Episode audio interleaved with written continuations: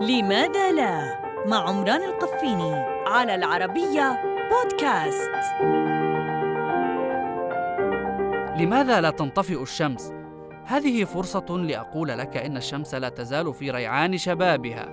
عن عمر يناهز أربعة مليارات وخمسمائة مليون سنة تقريبا تزيد قليلا وهي بحاجة إلى خمسة مليارات أخرى كي تذبل.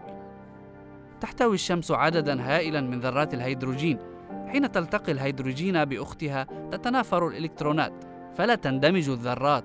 لكن باطن هذا النجم شديد الحرارة بحيث تتحرر بروتونات ذرات الهيدروجين وتتحد وتشكل الهيليوم. البروتونات المتبددة خلال عملية الانصهار تطلق طاقة عظيمة. فاعلم أن تحويل كيلوغرام واحد من الهيدروجين يعادل الطاقة الناتجة عن حرق عشرين ألف طن من الفحم بل أكثر.